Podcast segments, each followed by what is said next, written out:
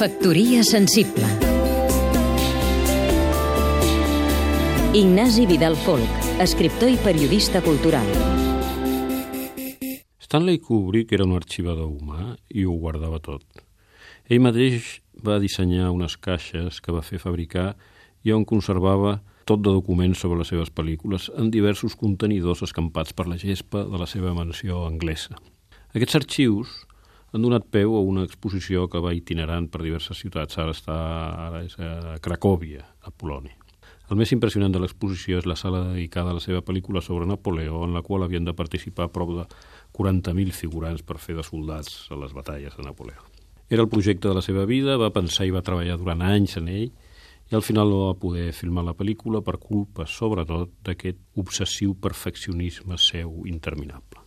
Ara es publica també un llibre molt documentat sobre l'obra mestra de Kubrick 2001, Una odissea de l'espai, que és també la millor pel·lícula mai filmada sobre la vida extraterrestre. La va fer l'any 68. Va deixar tothom bocabadat. Si la tornes a veure ara, tornaràs a quedar-te impressionat.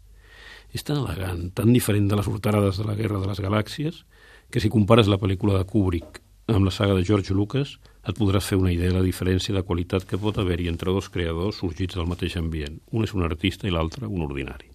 I és estrany perquè el Lucas va escriure el guió d'American Graffiti. Recomano el llibre sobre Kubrick perquè documenta i ajuda a veure de prop com el talent i la feina van col·laborar per fer una obra magistral. Se n'aprèn molt. Factoria sensible Seguim-nos també a catradio.cat